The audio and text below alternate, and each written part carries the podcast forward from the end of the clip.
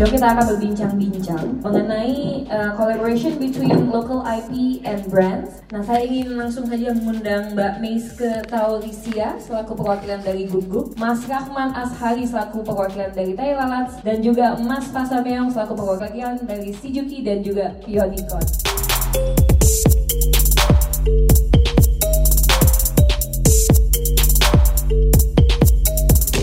Halo semuanya, selamat siang. Sehat? Alhamdulillah, sehat. Oke, kita langsung aja nih ya berbincang-bincang dengan uh, para ahlinya nih di depan panggung. Nah, pertama aku mau nanya nih um, dari kreatornya apa ya? Thailand Mas. Ada perwakilan dari Thailand, uh, Mas Kahman yang lebih mungkin lebih dikenal dengan Mas Ote. nah, uh, aku pengen nanya nih, uh, apa sih yang menjadi hambatan dan juga uh, kemudahan uh, bagi Thailand dalam memonetisasi IP di industri kreatif ini? Uh, sebelumnya perkenalkan nama saya Ote, panggil aja. Uh, saya ini untuk di Thailand lebih ke komersialnya. Jadi di itu lebih, eh itu kebagi dua, kreatif sama komersial. Nah, saya emang uh, ngelakuin yang lebih ke bisnisnya. Dan kalau misalnya balik lagi ke pertanyaan hambatannya, hambatannya itu ada dua, internal dan eksternal. Internal itu tim sendiri. Jadi di mana saya yang uh, bisnis uh, bertemu dengan teman-teman kreatif ini dan bagaimana mencoba meyakinkan mereka kalau kita sudah ke sini arahnya, nggak cuma uh, berakhir di endorse gitu. Jadi uh, pertama yang saya make sure itu perahunya dulu itu tim saya untuk menuju ke sana bareng. Dan kemudian uh, mereka sudah mulai terbiasa dengan hal ini. Uh, kita juga mulai ekspansi beberapa brand. Dan ini tahun kalau bisa dibilang year of collaboration. Semua brand itu nyari artisan buat collab di produknya. Termasuk kita sendiri udah ada beberapa brand yang collab bareng. Kalau ngikutin akunnya juga jadi uh, ini kesempatan sebenarnya untuk kemudahannya ya tahun ini tuh brand malah yang nyari uh, pelaku kreatif buat collab bareng mereka gitu. Dan uh, ya mereka itu karena mungkin juga ada yang tahu ada yang nggak tahu mengenai bisnis licensing ini. Jadi ya kita juga bisa uh, kayak sama-sama belajar gitu. Oke okay, uh, kan kerjanya kayak gini. Karena selama ini uh, yang brand lakuin ke kreatif kan lebih ke beli putus gitu. Yeah. ketika di license kayak oh gitu ya kayak lalat gitu. Oke. okay karena udah diajarin sama mentor-mentor juga kan di head apel gitu. Terus ya kemudahannya lagi adalah distribusi uh, kalau yang baru-baru kayak aduh harus start dari mana ya? Gitu. dan itu yang kita lakuin back then uh, kita harus dari mana? Kita benar-benar dari blogspot dari gambar manual di scan si palik uh, terus taruh di blogspot uh, kemudian uh, sampai akhirnya kita partnership sama Invia. Sampai sekarang jadi grup ya di Invia untuk mendistribusikan konten-konten uh, uh, kita uh, ke webtoon line sticker. Sekarang udah banyak banget sih untuk ngedistribute konten gitu. Jadi kalau dari kitanya sendiri yang kayak udah ah udah banyak yang udah banyak yang bersinar gitu. Mm-hmm. jangan takut karena media atau channelnya itu udah banyak buat kita bisa bro Oke, okay, thank you. Nah, ini aku berlanjut ke top 10 dari batch 2 uh, Mbak Miska. Nah, kita yang seperti kita ketahui, Guguk itu bisa terbilang uh, pemain baru ya dalam industri kreatif ini. Nah, bagi Mbak Miska ini kendala-kendala apa saja sih yang ditemukan selama mengembangkan Guguk? Ya, uh, halo selamat siang semuanya. Um, nama saya Miske, saya uh, produser film dari rumah produksi uh, Palari Film. Uh, kami produce uh, film tahun 2016 Posesif, 2017 Aruna dari Dahnya.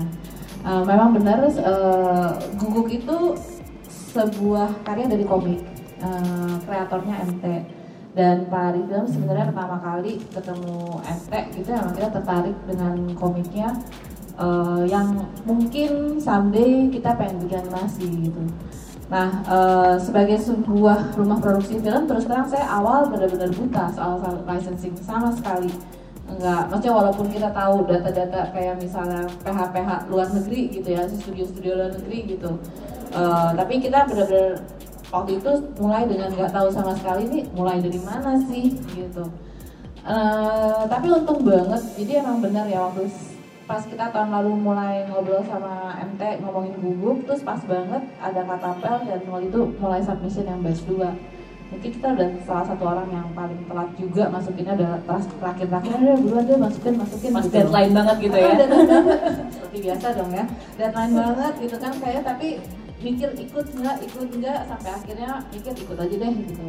Dan kayak tadi Ote bilang ya saya eh, di bootcamp itu saya benar-benar dengerin maksudnya benar-benar mentor-mentor benar-benar menjelaskan gitu ya secara umum misal cara kerjanya gimana kita mulai dari mana segala jadi palingnya step pertama buat guguk itu waktu kita ikut bootcamp itu benar-benar ngebantu buat kita eh, setup kita mau jalan ke mana dan di mana saya pikir itu yang paling penting sih ya eh, saat kita juga mulai apa mulai bekerja dengan IP mau itu create eh, apa mau itu kreatornya sendiri atau bagian bisnisnya itu memang kayak tadi ya kita harus benar-benar berjalan dalam satu perahu supaya kita benar-benar tahu kita mau menuju ke mana gitu. Dan dalam kasus gugup eh, kita benar-benar bahas nih kita mau ke mana dulu. Mungkin nggak sih mulai animasi langsung? Ternyata barriernya besar banget kalau mau langsung jump ke animasi gitu. Jadi karena itu kita berpikir nggak deh justru kita mau mulai dengan uh, develop IP-nya dulu gitu Tadi uh, sempat ada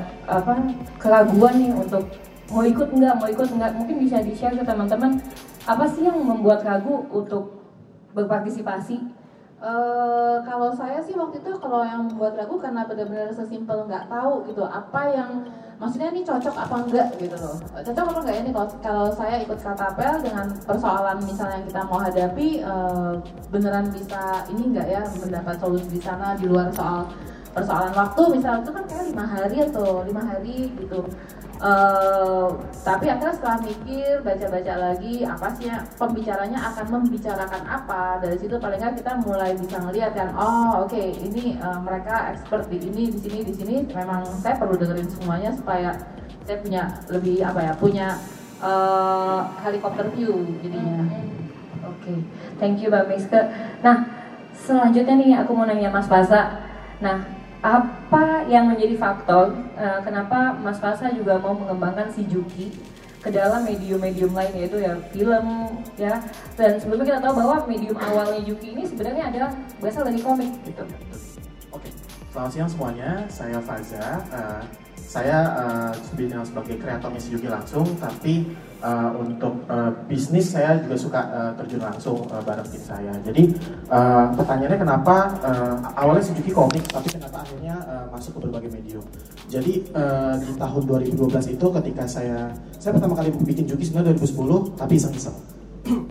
di 2012 eh, saya mulai mikir bahwa eh, saya harus bisa hidup dari apa yang saya buat. Maka dari itu eh, saya coba ngulik-ngulik waktu itu di 2012 saya bingung mau tanya harus sama siapa, mau berguru sama siapa soal eh, bisnis yang akhirnya kita sebut eh, bisnis IT ini, bisnis licensing juga gitu.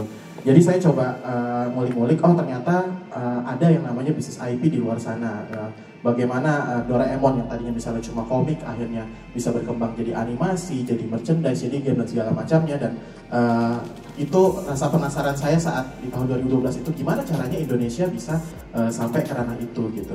Jadi saya mulai mempelajari dan eh, akhirnya saya mulai eh, mempetakan. Oke, komik adalah eh, medium awal dari si Juki. Tapi memang eh, komik ini adalah eh, arena atau sarana untuk eh, memperkenalkan si Juki ke publik sebenarnya lewat komik. Bahkan komiknya gratis saat itu di 2012. Eh, saya konsisten bikin komik ya seperti Tahil Lalat juga di sosial media sehingga awarenessnya terbentuk dulu kemudian baru bisa jual produknya. Sebenarnya kan mungkin mikirnya sesimpel itu gitu. Gimana cara supaya orang tahu apa yang kita buat? Ketika orang tahu, orang akan suka, ketika orang akan suka, orang akan ngefans, ketika ngefans orang akan loyal untuk membeli produknya begitu.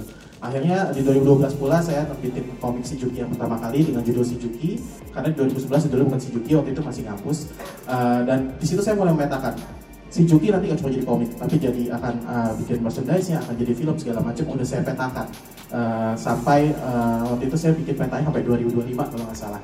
Uh, seorang anak uh, mahasiswa yang mungkin cukup ambisius untuk masuk ke dunia uh, art tapi di bisnis juga. Jadi otaknya kebelah dua tuh kanan atau kiri harus bisa balance dan lumayan challenging. Jadi memang dari awal sudah dipetakan untuk nantinya jadi film, untuk nantinya jadi game, untuk nantinya jadi uh, merchandising gitu. Udah ada roadmapnya nih mas ya. Udah ada. Oke, kembali lagi ke Mbak Meske. Nah, uh, walaupun masih terbilang baru, uh, namun Google kan telah bekerja sama dengan salah satu brand retail yang tadi sempat kita lihat dengan Giordano. Nah, bagaimana rencana komersialisasi dari Google ke depannya? Nah, apalagi setelah menjadi um, top 5 nih di batch 2 Kakapel yang tentunya nantinya akan meng, uh, fokusnya mengkomersialisasikan IP-nya. Uh, oh ya, kita kerjasama Google 17 Agustus kemarin ya. Uh, bulan Agustus kemarin ini kita bekerja sama dengan uh, Giordano Retail. Uh, waktu itu kita memulai pembicaraan. Uh, jadi sebenarnya salah satu yang saya pikir juga penting gitu ya kayak tadi uh, si Juki bikin roadmap gitu ya mau ke mana. Yang perlu kita petakan juga adalah aset-aset kita dan aset itu artinya teman. Mau temen mau apa pun gitu loh. Jadi waktu waktu saya dan MT mulai duduk dan membahas Juki, eh membahas Juki sih, jadi membahas gugut gitu. Pengen juga sih, mungkin sudah saatnya ya mas. Mungkin jadi Saatnya Juki yang ya. Saatnya saatnya. Jadi saat saya sama MT mulai bahas gugut, kita list teman-teman kita, kita list uh, potensial partners kita gitu ya. Dan itu maksudnya dalam tanda petik ya kami sebut aset gitu loh karena ini adalah potensial-potensial uh, partner yang bisa kita eksplor kerjasama dan dari uh, teman-teman dan uh, apa namanya existing client uh, siapa pun lah gitu yang menurut kita masuk akal untuk uh, guguk gitu dan IP uh, kita kita undang sebenarnya waktu lagi demo day-nya Katapel. Uh, jadi sebenarnya waktu itu pas kita ngundang mereka nonton juga uh, apa namanya yang partisipan lainnya dan lihat juga karena pas di demo day itu uh, menurut saya hal-hal uh, seperti demo day itu yang menurut saya sangat penting gitu loh. Karena uh, kayak gini pameran gitu loh kita pameran bareng-bareng uh, dan kita undang brand. Menurut saya itu oh, udah langkah yang paling penting gitu. Showcasing IC showcasing sendiri ya. Dan waktu itu kita undang uh, existing client brand-brand teman-teman kita kita ajak dan mereka lihat di sana dan actually uh, abis demo day itulah justru kita benar-benar uh, setup meeting dan kita langsung obrolin oke okay, paling deket yang mungkin adalah kita kerjasama waktu itu visual merchandise dulu visual merchandising. Artinya uh, retail semua toko Giordano uh, bulan Agustus tema kemerdekaan waktu itu kerjasama sama Google gitu.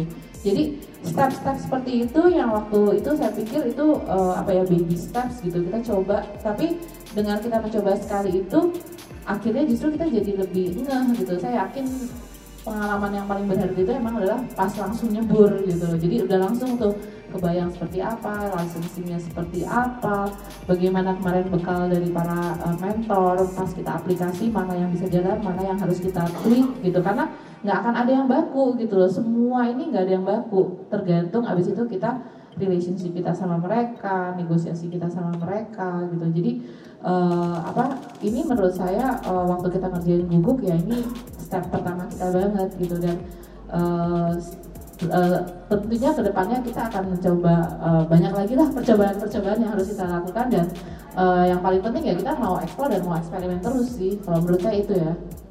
Oke, nah uh, kembali lagi nih ke Mas Fasa kan sebagai kreator lokal udah cukup lama berkecimpung nih dari awal 2010 kan? Iya sekitar 2010. 2010 nah di, di dunia industri kreatif. Nah sebenarnya apa sih mas isu-isu yang terjadi di dalam uh, mengkomersialisasikan IP lokal?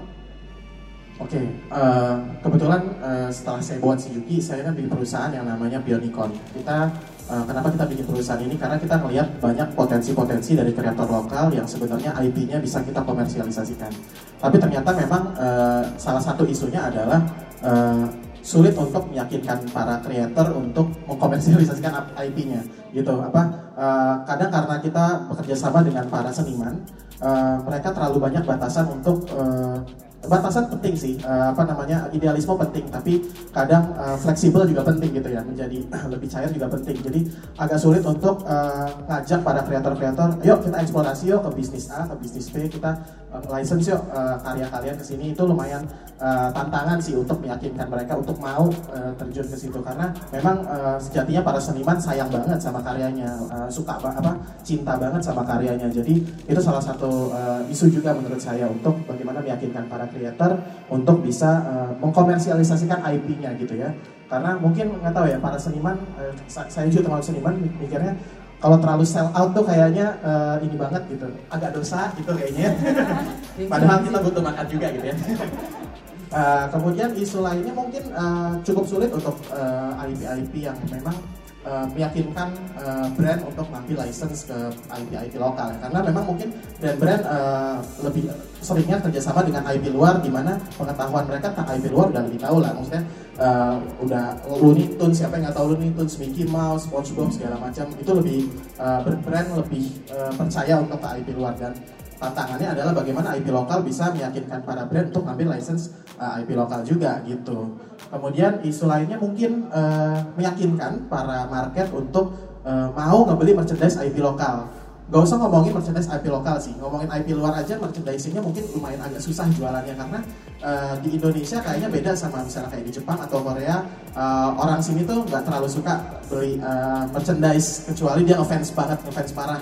Kalau uh, suka beli merchandise-nya akhirnya beli yang KW karena lebih murah. Karena biasanya yang original yang lebih apa itu pasti lebih mahal gitu kan. Jadi ini sebenarnya uh, secara keseluruhan di industri licensing uh, tantangan juga nih untuk meyakinkan para uh, marketnya untuk membeli uh, merchandise original gitu kan. Uh, jadi salah satu uh, tantangan juga untuk IP lokal akhirnya gitu.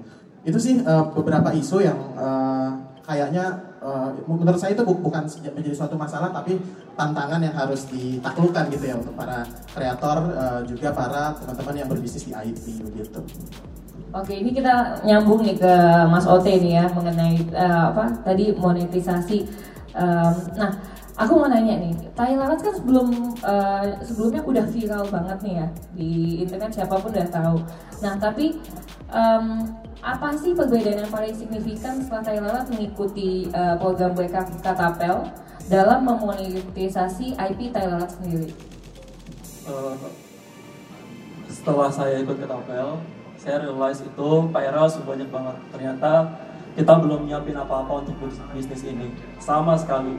Uh, jadi ketika dengerin mentor-mentor gitu dan uh, apa yang IP IP luar itu lakukan untuk uh, karakternya, kita langsung bilang oke okay, kita belum menyiapkan ini semua. Kita belum file guide kita belum ada bisnis plan yang memang sampai ke sana gitu. Jadi dari kata pal itu dapat ilmunya dan menurut saya itu ilmunya mahal banget nggak bisa dicari di mana-mana. Uh, saya langsung rubah bisnis plan 2019 Uh, jadi saya langsung ubah sesuai dengan yang saya lihat di uh, saya saya dengerin di kanal Jadi uh, yang fokusnya revenue streamnya itu tetap endorse ya. Saya rubah gitu. Oh gak ke sini arahnya. Uh, ini malah bisa dibilang ya tadi kan sell out di uh, apa namanya di media kita tuh sebenarnya agak uh, gimana gitu. Pasti ada yang komen ngiklan mulu min. Kayak gitu gitu pasti kan. Malah kita makan dari situ ya. Terus gratis lagi. Ya, jadi oh yaudah makanya kayak kita pengen coba membalancekan ini dengan uh, mencoba revenue stream baru makanya uh, kita udah buat produk turunan dari Thailand itu sendiri. Terus uh, kalau misalnya balik lagi ke TPL sendiri tuh dulu kalau bisa ada brand yang nawarin eh mau nggak di uh, sama brand ini? Saya nggak tahu jawabnya gimana. Kayak oke okay, ini harus gimana ya dealnya gitu. Jadi banyaknya malah ketolak. Jadi kita ambil endorse-nya lagi gitu. Nah tapi sekarang setelah tahu oh gini loh hitungannya tuh ada ternyata dan rinci dan kita kasihnya tuh intangible asset yang di mana itu asetnya tetap balik ke kita. Setelah masa masa masa kerja sampai berhasil jadi uh, uh, habis gitu. Jadi wah ini emang PR-nya yang jelas banyak gitu tapi uh, ini ilmu yang sangat mahal sih untuk teman-teman bisa uh, cari tahu gitu. Terus sampai kemarin saya sempat melihat di festival musik yang hype gitu sempat ada ini ya, sempat ada boothnya juga ya maksudnya ya. Nah, um, kembali lagi nih ke Mas Fasa. Uh, uh, apa sih harapannya untuk industri kreatif di Indonesia, khususnya untuk para kreator lokal? Dan rencananya ke depan untuk Juki sendiri gimana? Ya harapannya sebenarnya uh, balik yang saya omongin tadi ya soal tantangan ya semoga kreator lokal semakin terbuka untuk uh, karyanya bisa dikomersialisasi sehingga uh, kalau semakin banyak kreator yang uh, main di bisnis IP memang mungkin saingannya semakin banyak tapi industrinya ekosistemnya akan semakin terbentuk pada akhirnya. Jadi kita bisa sukses bareng gitu kan. Uh, itu sih salah satu harapannya. Dan harapan berikutnya mungkin uh, ekonomi masyarakat Indonesia naik ya sehingga amin dulu ya semuanya amin semua ekonominya naik sehingga bisa ada ada budget untuk membeli merchandise IP lokal gitu kan. Kita mungkin mikir kenapa uh, agak sulit untuk ke sana mungkin karena ekonomi masyarakat nggak segitu ya seperti di Jepang dan Korea gitu kan. Uh, itu salah satu harapannya lah bagi saya. Uh, untuk ke depannya sebenarnya kalau Jugi sendiri uh, kita uh, nextnya akan ada kolaborasi dengan salah satu IP luar juga uh, di akhir tahun ini uh, yang cukup yang cukup terkenal. Ya terkenal banget lah di Indonesia jadi belum boleh di belum boleh di ya. karena uh, salah satu IP lokal yang saya favoritin dari kecil dan akhirnya bisa kolaborasi terus kita juga ada uh, si Juki the Movie kedua yang akan tayang tahun depan uh, kemudian kita juga akan karena tahun depan sebenarnya Juki uh, 10 tahun kita akan bikin pameran uh, Juki 10 tahun itu kita ada rencana ke arah situ juga uh, kemudian uh, saya sendiri uh, dari dulu mengimpikan ada yang namanya toko di mana toko itu menjual komik lokal, merchandise IP lokal dan insya Allah bulan depan saya bisa mewujudkannya.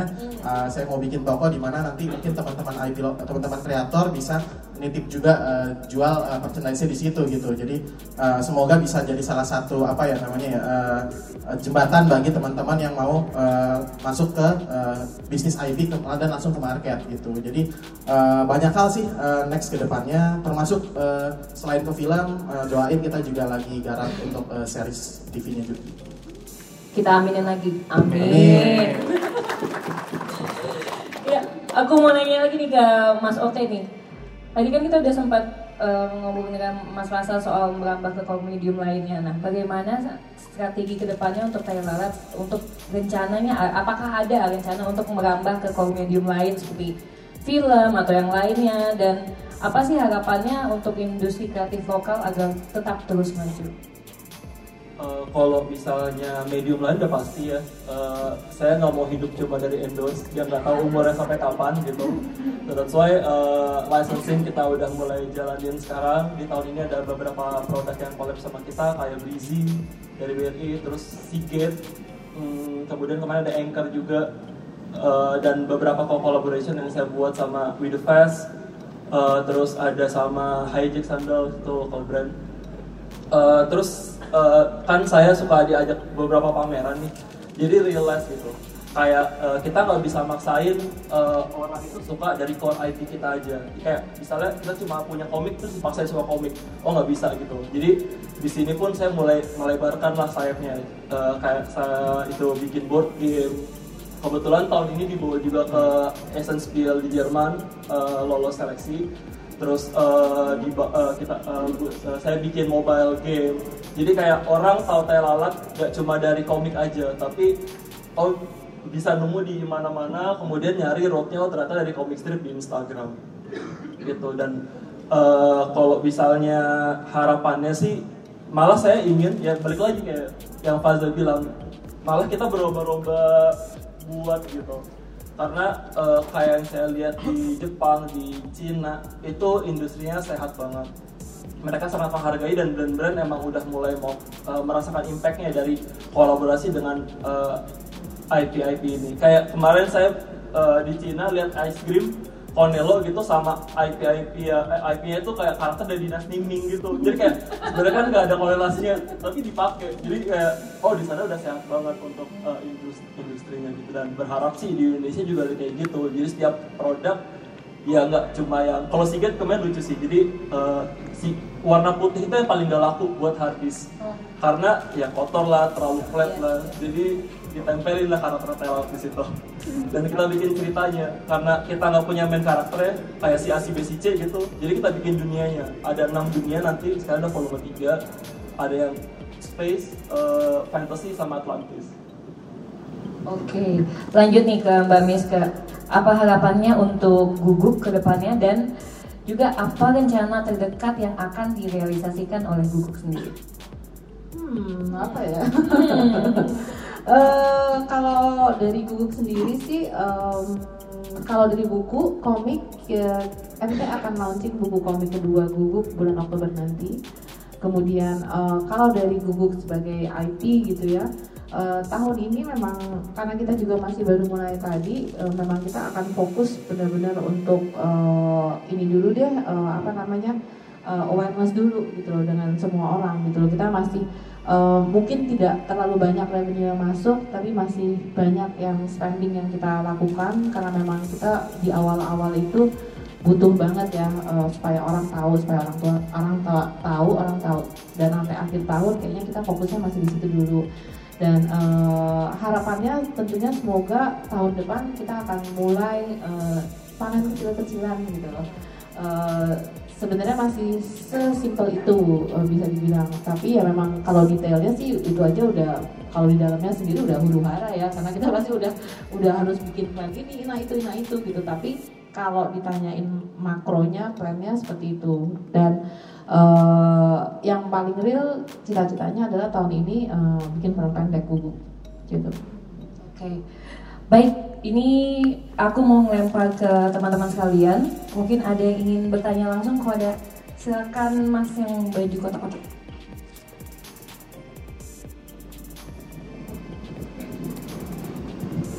Iya, eh, saya mau tanya aja untuk kan saya di bidang merchandising ya, itu boleh share nggak eh, numbersnya baik uh, Telalat sama eh, untuk Yuki kan kemarin baru launch yang yang premium ada sama yang beberapa kolaborasi ya sama Brodo juga gitu. Jadi uh, numbersnya yang yang bisa di share aja lah. Telalat kan juga ada kolaborasi sama Siget dan yang lain-lain. How's the number? Is, is really helping them naik berapa persen? Kayak gitu-gitunya sih. Terima kasih Kalau ngomongin numbers harusnya sih tim saya yang satu yang ngomongin bukan saya. Cuman karena saya nggak terlalu uh, involve ke numbers ya. Biasanya lebih ke uh, creative marketing saya involve. Tapi kalau udah numbers segala macam biasanya nggak nempel tuh di kepala saya. Jadi kalau nanya itu sih uh, saya nggak nggak hafal datanya banget. Tapi memang Uh, kita pernah apa namanya uh, eksperimen untuk kan si Juki sebenarnya target market kita lebih uh, kelas-kelasnya uh, anak mahasiswa, uh, anak SMA di mana produk-produknya ya banyak uh, tempat pensil, puzzle, uh, kaos-kaos yang harganya cuma 120 ribu gitu kan. Sampai suatu ketika kita coba bikin produk premiumnya yang satu kaos harganya 350 ribu dengan uh, apa uh, desain uh, lebih simpel gitu. Dan memang uh, itu kita udah mikir bahwa ini pasti uh, lebih niche lagi marketnya. Dari udah penggemar Juki niche lagi yang berduit gitu kan uh, berapa persennya gitu. Nah itu sebenarnya harusnya uh, ada sih angkanya. Cuman uh, surprisingly ternyata uh, itu ditangkap dengan baik karena nggak uh, tahu ya mungkin uh, orang Indonesia tuh suka beli produk mahal ya, maksudnya suka pakai kelihatan uh, apa produk yang mahal gitu, yang harganya mahal nggak tahu juga. Jadi eksperimen itu ternyata cukup berhasil dan kenapa saya bikin produk premium ini karena dulunya saya pernah bikin uh, kaos Juki, uh, tulisannya cuma kaos mahal. Cuma tulisannya cuma kaos mahal, di O-nya ada gambar Jukinya dan harganya di atas kaos Juki yang biasa 250 ribu. Terus laku, uh, habis uh, 200 dalam satu hari gitu di event popcorn saat itu. Jadi uh, ternyata padahal kaosnya sama aja gitu secara bahan itu eksperimen doang dari situ kita mulai mikir oh kayaknya ternyata di marketnya juga ada juga nih yang mau beli produk-produk premium. Jadi sebenarnya angkanya cukup uh, mengembirakan walaupun pasti kecil uh, karena cukup niche di market Juki gitu. Jadi kalau angka uh, bukan saya yang bisa uh, buka-bukaan gitu. Mas Sofi mungkin bisa. Uh, sebenarnya kalau angka sendiri ada yang uh, ada juga uh, exposure. Uh, kalau misalnya exposure sih obviously bagus banget. Uh, kayak BRI, kayak kemarin Sigit, uh, actually dia happy dan uh, itu malah ngebuka peluang saya ke brand-brand lain. Jadi karena uh, saya di situ kan jualan uh, eksklusif di Tokopedia, jadi Tokopedia latah nih nawarin kita ke semua brand-brandnya dia. Sampai terakhir ada beberapa yang saya harus lempar di tahun depan gitu. Kayak ada produk uh, audio dan lain-lainnya. Uh, itu kan berarti impression yang baik. Kalau dari angka sih, kalau untuk merchandise kita, emang dari awal saya pengen lihat kan mapping uh, daya beli follower Tela tuh kayak gimana sih? Kan nggak pernah tahu. Akhirnya pas sekian lama kita bikin, baru dua tahun yang lalu bikin merchandise-nya yang saya pakai nggak ada di sana apa-apa cuma kepalanya di mana-mana yang mertua saya juga nanya itu apaan sih serem banget gitu terus ternyata laku saya jual 600 waktu itu kita jual 650 ribu dan itu laku. Ini udah sampai uh, naik tiga kali dan itu udah mau habis lagi. Dan masih ada yang nanyain jadi waktu itu pas uh, di Jakarta Sneakers Day tahun kemarin eh, tahun ini saya pakai kan karena kita ada booth. Itu semua orang nanyain kayak mas kalau saya beli di mana? Kalau saya beli di mana? Kayak gitu. Jadi uh, ya karena kita memang dari awal udah ada channelnya dan orang udah well known sama karakter itu sendiri udah pasti itu mengikuti sih mas jadi uh, ya untungnya cerita kita sangat juga relate dengan kehidupan sehari-hari jadi merasa kayak Thailand itu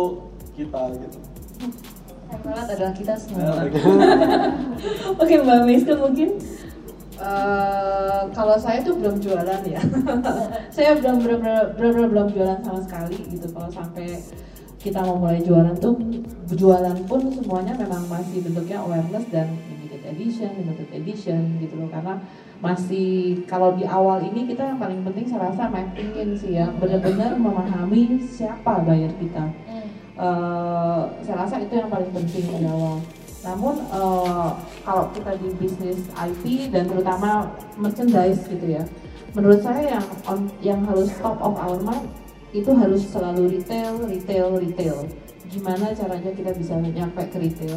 Itu menurut saya yang paling penting eh, apa teman-teman di sini eh, tempel gitu loh. Karena mau itu produk turunannya dalam bentuk apa tapi gimana sampai ke retail. Karena memang di retail itulah sebenarnya battle-nya apakah eh, orang-orang benar-benar beli produk kita atau enggak. Seperti itu sih dan eh, itu apa namanya udah langsung langsung berasa banget lalu kalau saya dari saya sendiri oh tadi pas lagi sempat ditanya challenge saya lupa bilang sebenarnya yang saya hadapi sekarang persoalan yang di Google nyari vendor bikin merchandise juga susah kak. Kayak udah sampai nelfon Bandung nelfon mana segala macam kayak gitu. Iya ya, beneran nyari nyari. Saya pernah saya mau bikin balon gitu. Oh balon mah saya nelfon beberapa vendor bisanya cuma yang flat. Sementara karakter saya gendut gitu anjingnya bulat gitu loh saya mau bikin yang volume aja nggak ada. Jadi menurut saya uh, vendor kita juga sebenarnya masih sangat terbatas. Apa namanya banyak hal yang sebenarnya belum lagi kalau quantity harus lempar ke Cina gitu kan. Nah menurut saya hal seperti itu yang kalau kita mau support bisnis IP juga itu ya. Uh, vendor-vendor itu kalau semakin banyak semakin asik kita bikin uh, uh, various various dari merchandise Jadi tadi udah terjawab mas semuanya. Jadi um, experimentation tadi dari Mas Fasa, coba-coba aja nih harganya dinaikin ya. Terus kayak broaden your audience juga tadi dari Mas Ote sama kita yang pasti terpatri di pikiran kita retail, retail and retail. Gitu. Ada pertanyaan yang paling belakang pojok?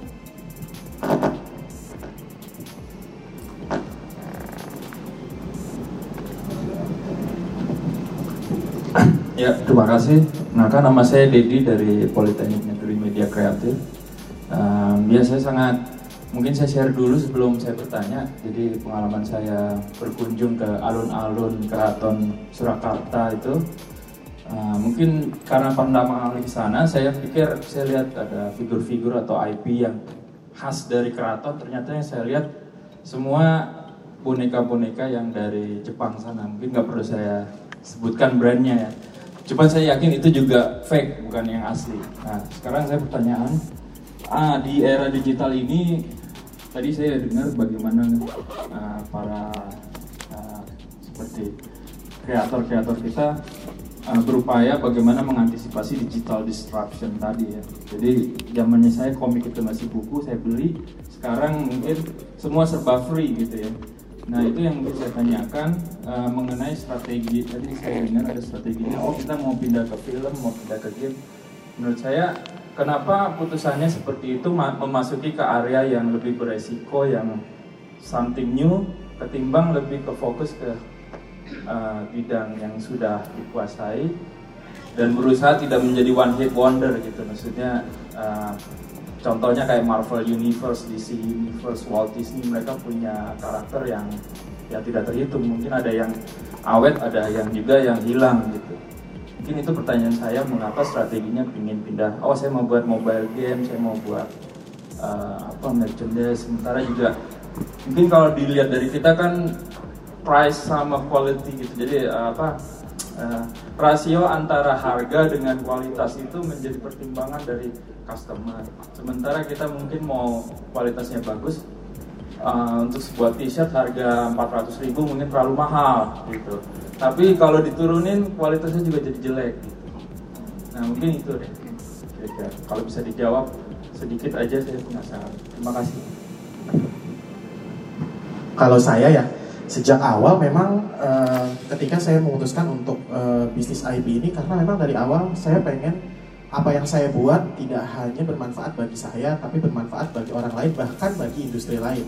Jadi ketika apa yang kita buat juga misalnya berdampak, uh, let's say misalnya kayak tahi lalat tadi gara-gara masuk di apa habis siget jadi lebih laku misalnya, berarti kan ada dampak nih yang uh, terjadi karena uh, karakter tahi lalat misalnya gitu. Jadi uh, kenapa kayak, kayak saya mikirnya uh, dari nggak fokus di komik aja gitu, tapi uh, ke berbagai macam medium karena istilahnya ya uh, pengen bagi-bagi gitu ya uh, supaya e-, ekosistem dan industri kreatifnya jalan kita harus uh, saling kolaborasi gitu dengan teman-teman uh, yang uh, masuk di medium dan uh, apa namanya produk-produk lainnya gitu. Jadi uh, gimana caranya supaya apa yang kita buat berdampak bagi industri lain sehingga semua happy? Sebenarnya kan uh, mikirnya aku sesimpel itu sih. Dan ketika semakin banyak uh, muncul di berbagai medium maka semakin banyak juga yang menikmati karya saya. Semakin banyak yang menikmati karya saya maka semakin banyak yang uh, terhibur dari karya yang kita buat, nggak cuma lewat medium satu medium saja. Tapi memang yang harus kita kompromikan sebagai uh, kreator atau owner adalah ketika uh, sudah terlalu menyebar, kadang uh, pasti masih bisa kita kontrol, tapi kadang kita harus berkompromi gitu. Terkadang memang nggak uh, semua produk uh, uh, kebayang sama kualitas yang kita mau. Misalnya ada ada uh, sebuah brand yang uh, beli license kita tapi ternyata misalnya apa ya misalnya produk uh, apa uh, kaos misalnya. Kita ngeliat uh, kaosnya dia kayaknya bahannya kurang oke okay deh. Tapi ya memang mungkin dia marketnya untuk bukan uh, market yang terlalu ke atas. Mungkin memang dia jual ke retail yang lebih kelas-kelas uh, bawah. Dan mungkin dengan itu juga uh, kita bisa masuk ke kelas-kelas yang uh, market yang berbeda lagi gitu. Jadi kadang kita sebagai saya sebagai kreator sebagai owner juga harus kadang berkompromi dengan nggak uh, semuanya bisa uh, ideal gitu ya. Namanya juga industri gitu ya. Jadi uh, kadang uh, harus berkompromi dengan itu dan kalau saya uh, memang memutuskan untuk menyebar menyebarkan IP itu ya supaya semua uh, bisa kenal, bisa kolaborasi dan bisa happy bareng gitu aja sih. Kalau dari Mbak Miska atau Mas Ote ada yang pengen tambahin? Uh, kalau saya sih uh, nambahin aja. Jadi uh, itu harusnya sangat diperlukan malah ya karena seperti yang tadi saya bilang kita nggak pernah uh, kita nggak akan bisa maksa orang itu untuk suka komik aja gitu tapi kan di satu sisi kita ingin meluaskan audiens kita. So that's kita harus masuk ke lini-lini lain. Selama itu nggak sangat besar nggak berseberangan jauh menurut saya itu sah-sah aja. Kayak ketika saya ke Cina main attraction saya malah toysnya jadi sampai ada tiga sampai ada orang yang tiga kali bolak-balik booth kita cuma nanya ini selesai pameran dijual nggak toysnya jadi uh, makanya kan dari situ mereka kan cari tahu gitu. Apalagi kan cerita Telat sendiri uh, sekarang 60% itu masih kita lah jokes-jokes receh kita lah gitu.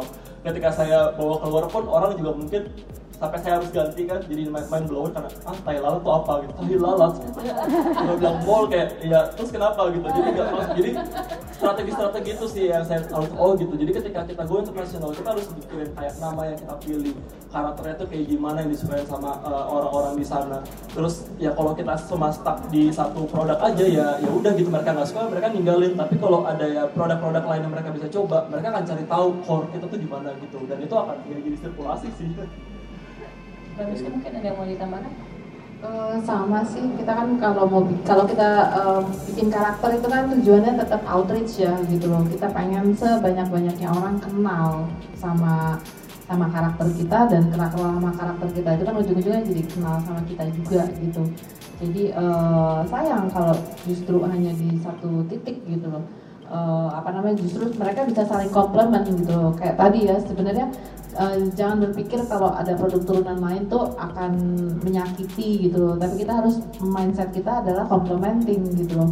Ini kalau ini doang nggak cukup nih komplementernya apa? Ini mereka saling mendukung kok. At the end of the day tetap gugup gitu loh. Tapi gugup dalam bentuk apa dalam bentuk apa dalam bentuk apa gitu. jadi itu complementing dan itu bukan apa ya bukan uh, persaingan internal. Ya, melihatnya jangan gitu. Oke. Baik, sebelum kita tutup panelnya, eh, mungkin ada final words tuh. Ya. Kesannya dark banget. Ada pesan-pesan terakhir mungkin untuk teman-teman yang berada di sini mengenai IP dan monetisasinya. Ya yang umurnya udah 10 tahun Eh, apa ya? Eh, sebenarnya sih menurut saya eh, sekarang ini adalah eh, zaman di mana era di mana Indonesia lagi eh, paling nggak pemerintahnya udah mulai melihat yang namanya ekonomi kreatif gitu ya. Eh, dengan adanya acara ini juga dan kita berkumpul di sini sebenarnya eh, ini adalah peluang bagi kita harusnya untuk lebih apa ya lebih semangat lagi untuk menggarap yang namanya eh, berkreasi dan eh, IP bisnis ini. Jadi eh, menurutku sih eh, jangan sampai disia-siain mumpung lagi eh, naik-naiknya, lagi panas-panasnya. eh, mari eh, berkolaborasi bareng, mari berkarya bareng eh, sehingga kita bisa bareng-bareng membentuk eh, ekosistem industri kreatif ini sendiri. Begitu. Sekali lagi, amin. Amin. Oke, terima kasih kepada panelis kita, Mbak Miska, Mas Oke, dan juga Mas Faza.